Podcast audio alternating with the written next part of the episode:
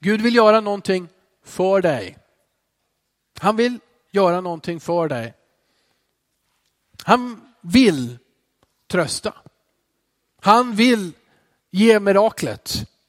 Han vill ge hjälpen och ledningen. Han vill göra någonting igenom dig. För att han också vill trösta och hjälpa och göra ett mirakel för någon annan så vill han göra någonting igenom dig. Och så vill han göra någonting i dig. Grattis! Det är därför som jag predikar.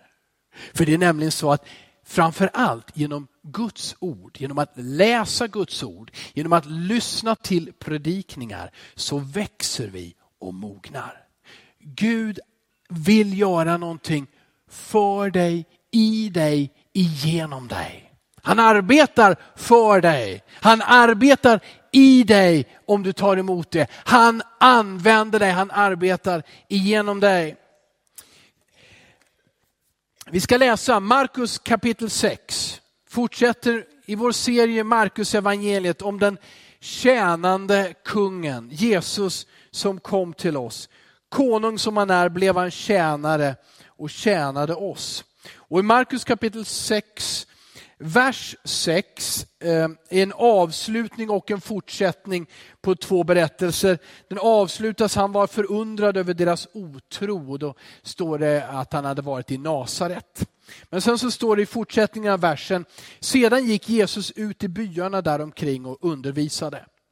Och han kallade till sig de tolv och började sända ut dem två och två och gav dem makt över de orena andarna. Han befallde dem att inte ta med sig något annat på vägen än en stav, varken bröd eller väska eller pengar i bältet.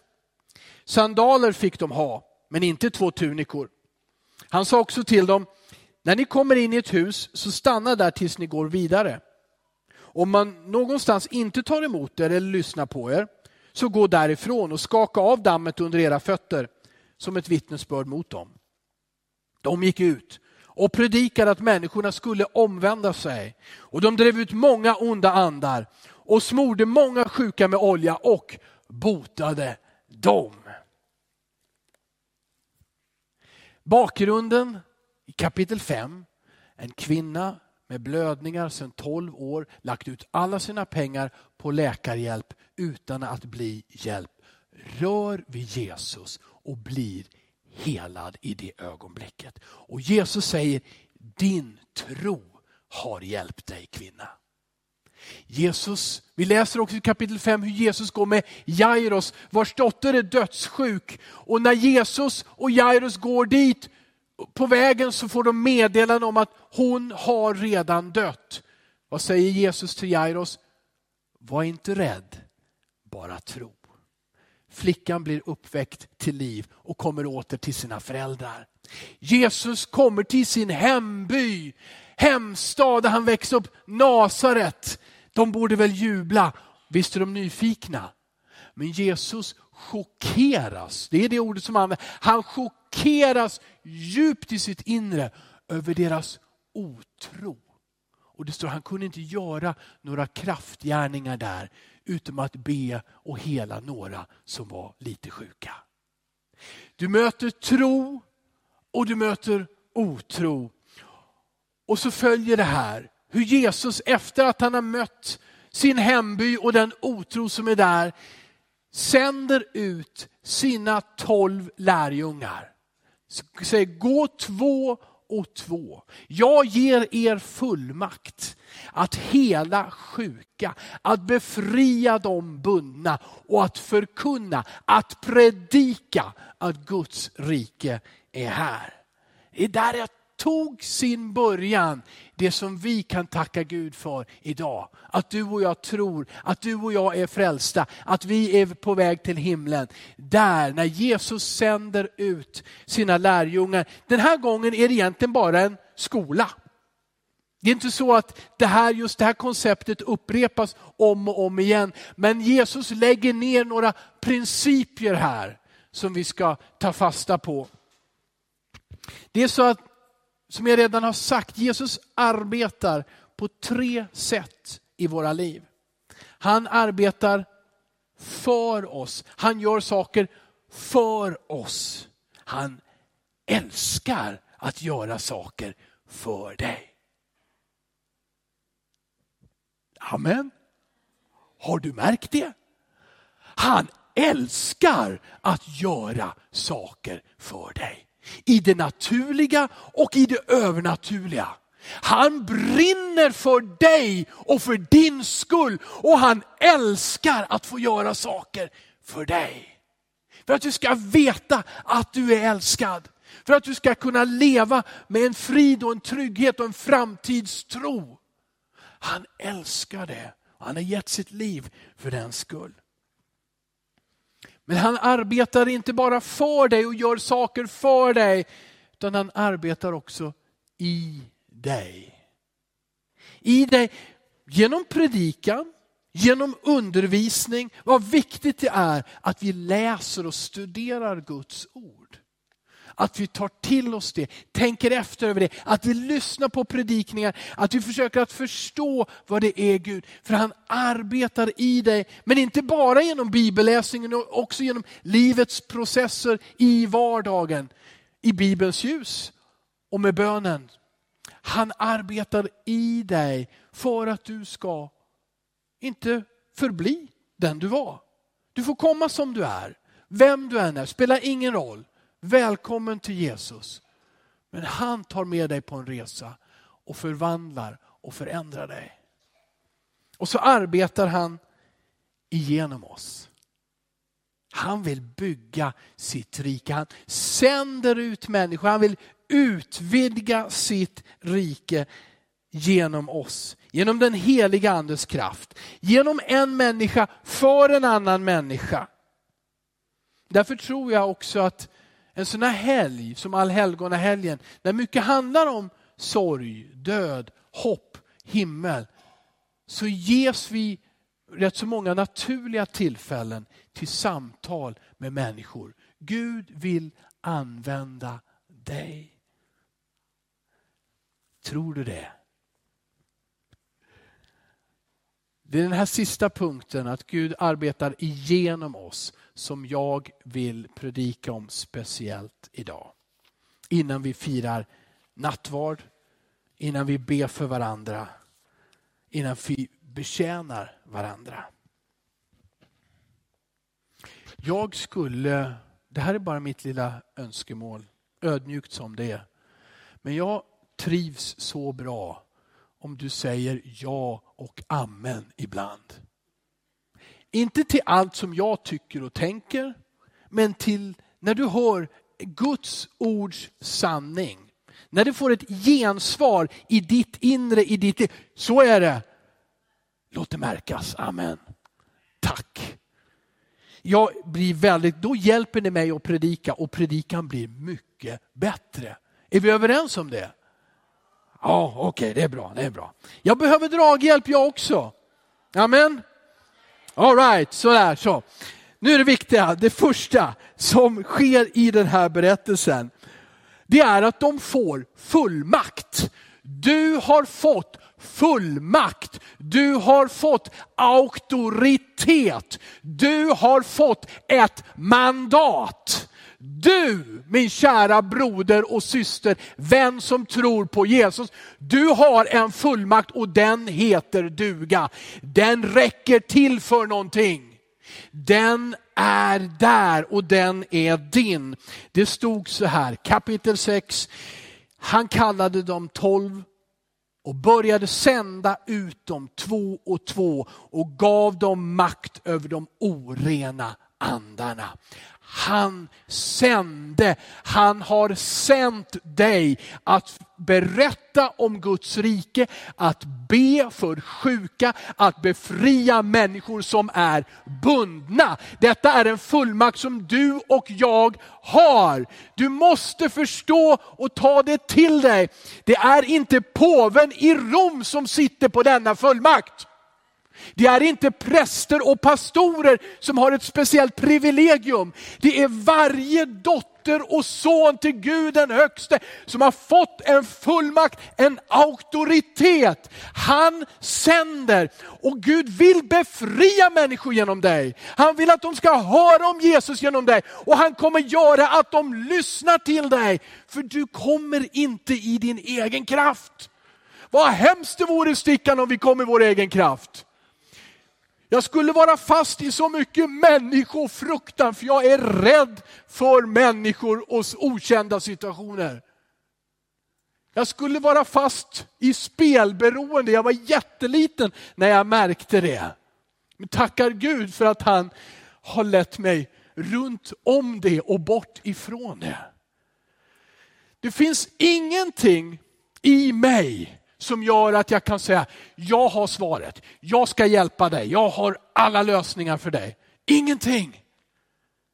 Men genom honom som bor i dig och mig så finns det en kraft.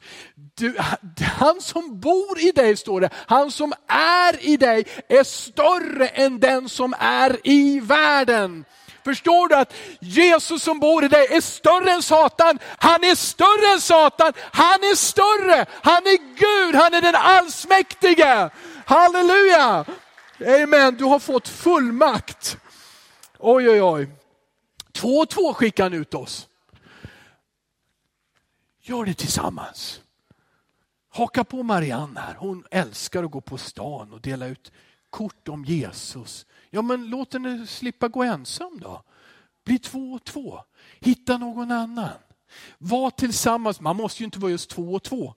Men Jesus lägger ner någonting att i den här gemenskapen tillsammans, tillsammans närmare varandra. Så uppmuntrar vi varandra. Vi kan också liksom hjälpa varandra förbi vissa, ja, vi kan rätta till varandra lite grann, slipa varandra sådär. Amen. Och, och, och, och, Gud talar igenom den andra så att vi, vi, vi styrker varandra, vi hjälper varandra och vi blir starkare. Amen, visst är det sant? Att man blir starkare om man är tillsammans med andra Guds barn och tjänar Herren. Så han sänder oss, han sänder oss ut två och två. Är det så att du inte hittar någon, gör som Marianne, gå i alla fall. Amen. Alltså det, är ingen som hindrar dig. Fortsätt att leta efter någon som vill vara med dig och be för någon, hjälpa någon, besöka någon, möta en främling. Leta efter sådana som vill vara med dig. Men hittar du ingen just nu, gå i alla fall. Gud är med dig. Han låter dig aldrig vara ensam. Jesus är vid din sida. Han är, genom honom så är ni två och två. Amen. Det är faktiskt sant. Nu var det så här att de här lärjungarna, de hade redan fått fullmakten. Vi kan läsa i kapitel 3 att han kallade dem, han sände dem. Ja, eller han sa, ni, ska, ni får kraft över orena andar. Men de liksom hakade på Jesus, de tyckte att han var bättre på det här. Så att de liksom följde med honom. Han kunde ju det, han befriade ju de bundna, han, han helade de sjuka, han predikade så bra. Så de liksom bara teg och hakade på. Det händer att vi gör så som troende. Du vet en fullmakt som du inte använder, den är värdelös. Ett körkort, någon skriven fullmakt, ett intyg, en, en lärarlicens att få undervisa som lärare och få lön som det. Men om du aldrig visar fullmakten, om du aldrig använder den, den duger inte till någonting. Det är absolut ingenting. Det måste ju användas. Fullmakten som du har fått måste användas. Vilken, men vilken uppmuntran det är. Du vet när du går någonstans och du har alla papperna med dig. Oh, du vet, du kan, du kan möta någon, någon, någon generaldirektör för något eh, verk, någon myndighet som är mycket större och mycket mer utbildad och mycket högre lön och kan mycket mer. Men du vet vilken fullmakt, vilka bevis, vilka intyg du har med dig.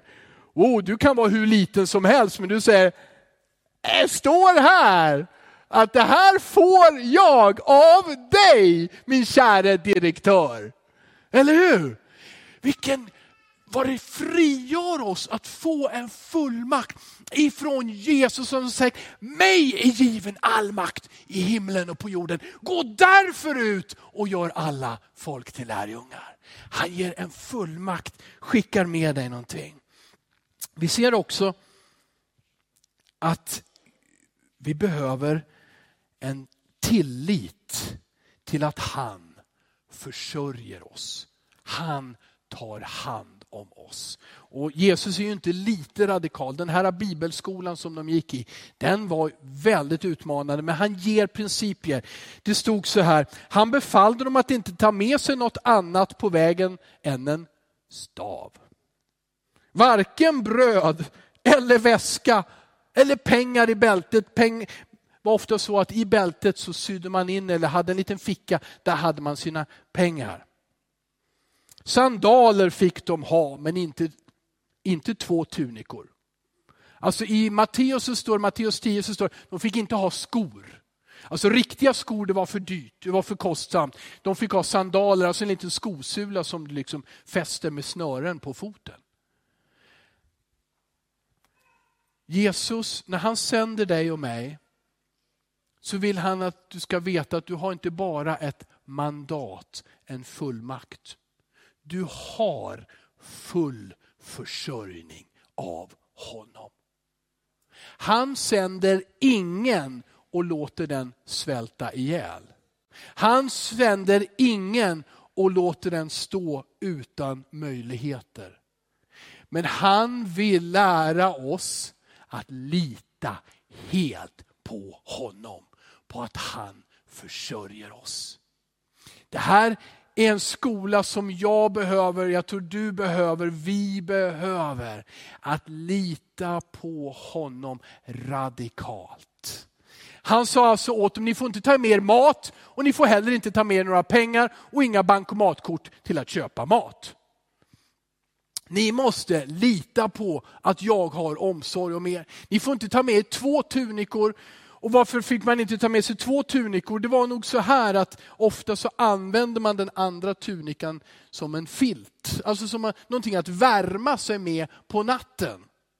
Så man är inte med sig något bröd, ingen mat, inga pengar, ingen säng, inte ens en filt. Man fick ha kläder på kroppen och ett par sandaler i Jesu bibelskola när han sände ut dem två och två.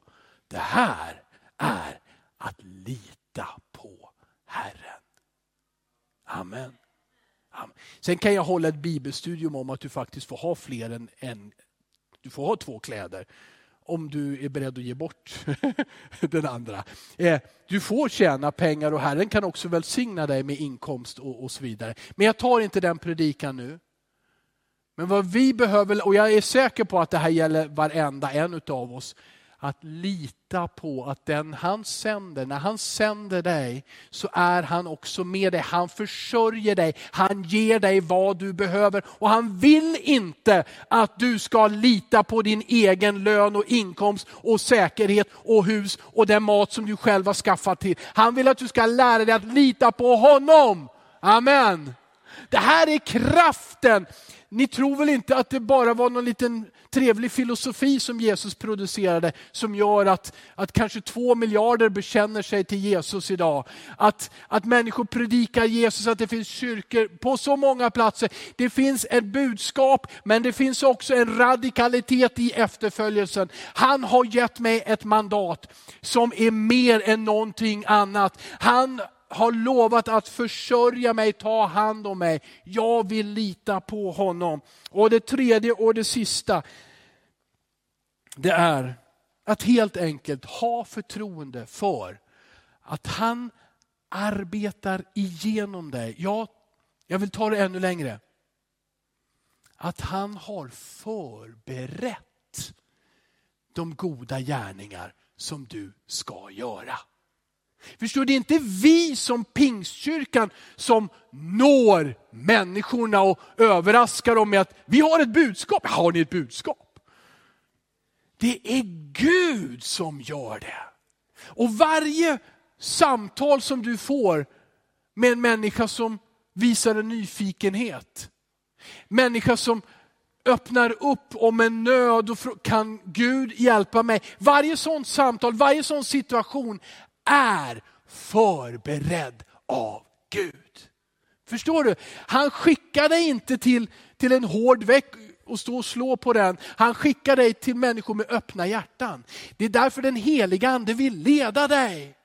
Han leder dig, han älskar människor, han arbetar i deras liv. Men han vill också använda dig för att visa på vägen till Jesus. Han vill använda dig för att vara den som ger en värmande tunika eller jacka till den som fryser. Han använder dig och mig och han har förberett detta dag för dag. För den som säger, jag litar inte på mig själv, men jag vet att jag har ett mandat att förändra den här världen och nu litar jag på att han också förbereder vad som ska hända idag. Amen.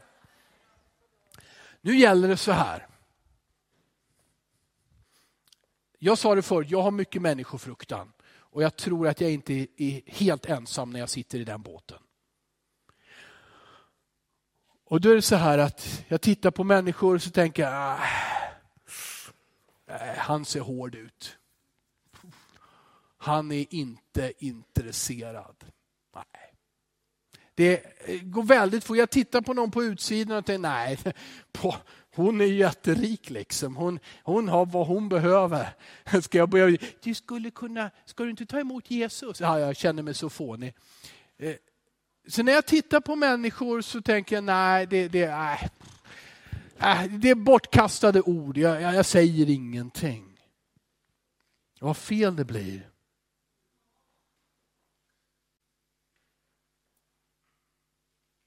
Det här träffar mig också i hjärtat. Jag tror dig också. Vad fel det blir. För där i gruppen av människor på eh, fikarummet satt det en som behövde det där ordet.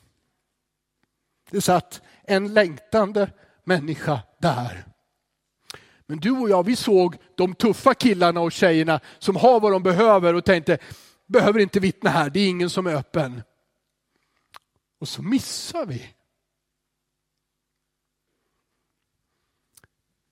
Sprid Jesu kärlek i tid och i otid. Gör det så brett och så stort du bara kan. Se till att du får berätta för många. Jag skulle gärna vilja att vi får berätta för en hel stad att Jesus älskar dem. Jag vet inte och det är inte upp till mig att bedöma var är en människa i sin vandring med Gud. Vi får ibland ge något till en människa som inte är så öppen. Han eller hon tar med det hem och funderar, blir lite arg och lite stressad och liksom slår det ifrån sig. Ja men vi ger med någonting. Få också möta den människa som är öppen, som längtar, som säger jag behöver någonting. Låt oss inte missa, hoppsan, låt oss inte missa den enskilde för att vi har fått för oss att de många inte är intresserade. Han har förberett människor. Amen. Ja, det stod så här i vers 10. Han sa också till dem, när ni kommer in i ett hus så stanna där tills ni går vidare. Ja, det är bara för att Gud vill tala om för dig, jag har omsorg om dig. Jag tar hand om dig. Genom människors generositet, jag kommer att bära dig. Vers 11 så står det, om man någonstans inte tar emot er eller lyssnar på er, så gå därifrån och skaka av dammet under era fötter som ett vittnesbörd mot dem var Jesus är enkel och rak. Han vet att alla människor inte är intresserade av det goda budskapet, av det han har att ge. Men det är det som jag sa, det är det som vi oroar oss för. Men låt oss inte oroa oss för det, utan ge evangeliet till många och gå i förutberedda gärningar.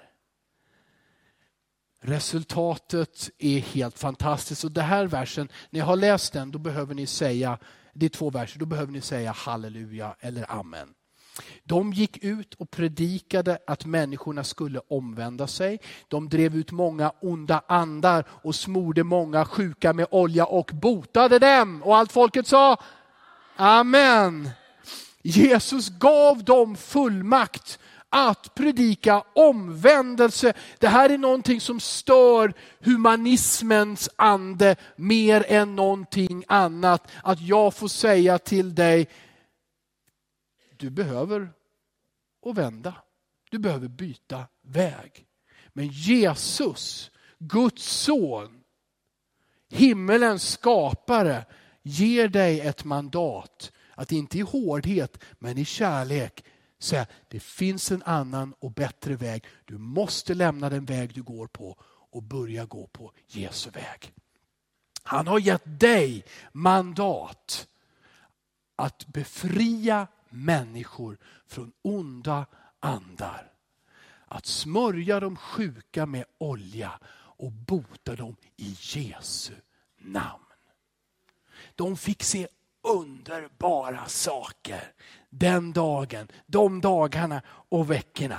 De fick komma tillbaka till Jesus och berätta i glädje. Till och med de onda andarna lyder oss. Och Jesus sa, men glädjer mer över de som blir frälsta.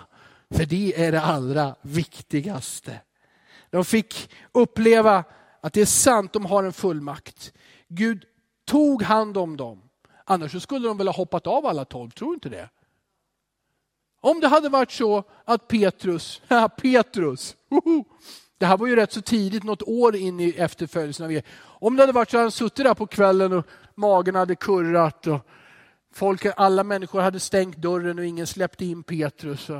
Vad hade han och Thomas sagt till varandra? Eh, vi får hitta en annan rabbi, någon annan att följa för det här, var ju, det här funkade ju inte. Men det funkar och jag vet det. Jag vet att man kan vara utan pengar med mycket skulder och ändå uppleva att Gud hjälper. Amen. Amen. Jag vet hur det är, man kan uppleva, jag har inte tjänat en krona, jag har inte förtjänat mitt levebröd, jag förtjänar egentligen att inte ha någonting. Men jag har fått uppleva nåd och välsignelse. Gud försörjer. Och att han leder oss till människor, till situationer som han har förberett. Det är den här tron som förändrar världen. Det är den tron som förändrar Eskilstuna och Sörmland idag. Amen. Denna tro, han sänder. Men du, vi ska alldeles strax fira nattvard. Du har fått en inbjudan. Han har, gett en, har du sett i alla fall på film har du sett, om du inte upplevt det själv, sån här galamiddag, fin med massa kända och rika människor. Så står det någon typ där i frack, fast han är också en tjänare eller betjänt och så frågar han, okej okay, kan jag få se din inbjudan? Och har du inte den där fina inbjudan så får du inte komma till den festen. Och på det, där brukar det vara så att du får en sån inbjudan om du har gjort någonting. Antingen gjorde din pappa och mamma någonting så de blev väldigt rika och gav dig mycket pengar. Så nu vet man att du har mycket pengar och så får du en inbjudan till den festen. Eller så har du på något sätt briljerat, visat vem du är och vad du kan och lyckats med det också. Och så får du en inbjudan. Men eh, Jesus och Bibeln säger, ditt namn är skrivet, var då? I Livets bok. Oh! Oj, oj, ditt namn är skrivet i Livets bok. När du kommer till himlen, det går väldigt fort för änglarna att titta efter. Oh, oh, oh, där är Lars, och där är Lilly, och där är Mariana, och där är Birgitta. Oj, oj, oj, där är Anvar, där är David, där är Amelie. Oj, här är de. Ditt namn är skrivet i Livets bok. När vi bjuder in till nattvard att, att fira, komma ihåg vad Jesus har gjort för oss. Då är det så. Här, du har fått ett fribrev, en inbjudan, mandatet, intyg. Det här är ditt. Jesus är din. Ta emot honom. Han har betalat priset, inte du, han. Han har dött på korset, inte du. Halleluja! Du dog inte på något kors, du ska inte dö på något kors, du ska leva i Jesu namn. Han har dött för din skull och uppstått. Han säger välkommen. Ja, men jag, jag har smuts på mina kläder. Dessutom är mina kläder billiga, det ser man på märket här bak. Det är en kopia. Jag lurar de flesta att de tror att den är fin men den är rätt så billig. Jesus, får jag komma till den där festen? Ja, välkommen, säger Jesus. Det är nåd och Guds kärlek. Han har betalat priset. Och Bara för att jag är som jag är så måste jag lägga till en punkt till. För det finns ett annat brev som vi har och som, som blev oss givet och som Satan höll i sin hand. Och det här står om i Kolosserbrevet 2 och 14. Och det kallas för ett skuldebrev. Är det någon som har haft ett riktigt skuldebrev i sin hand någon gång? Har du något sånt där papper där det står hur mycket du har att återbetala till en bank eller någon institution av något slag. Och det här, är, det här kan vara väldigt, väldigt jobbigt. Eller hur? Och Du kan komma ihåg dina misslyckanden, dina synder, dina felbeslut. Du menade det väl, det blev fel, eller du menade det inte alls så väl och därför så tänker jag är verkligen en skurk, jag är verkligen skyldig. Och Då står det i Kolosserbrevet eh, kapitel 2 och 13, väldigt nyktert så står det så här, väldigt, väldigt nyktert och tydligt och klart. Ni var döda genom era överträdelser. Det är ett hemskt skuldebrev det där. Det står att du är död, du har ingen kontakt med Gud, du går på dödens väg och inte livets väg. Tills du får ta emot Jesu nåd. Men också er har han gjort levande med Kristus. Lyssna, han har förlåtit oss alla överträdelser och utplånat skuldebrevet. Halleluja. Han har utplånat skuldebrevet som vittnade mot oss med sina krav. Det som ditt dåliga samvete och Satan skulle kunna hålla under din näsa. Titta vad du har gjort, jag vet och jag ska avslöja dig. Vad hade Jesus gjort? Han har utplånat det. Det finns inget brev som vittnar mot den som tror på Jesus Kristus.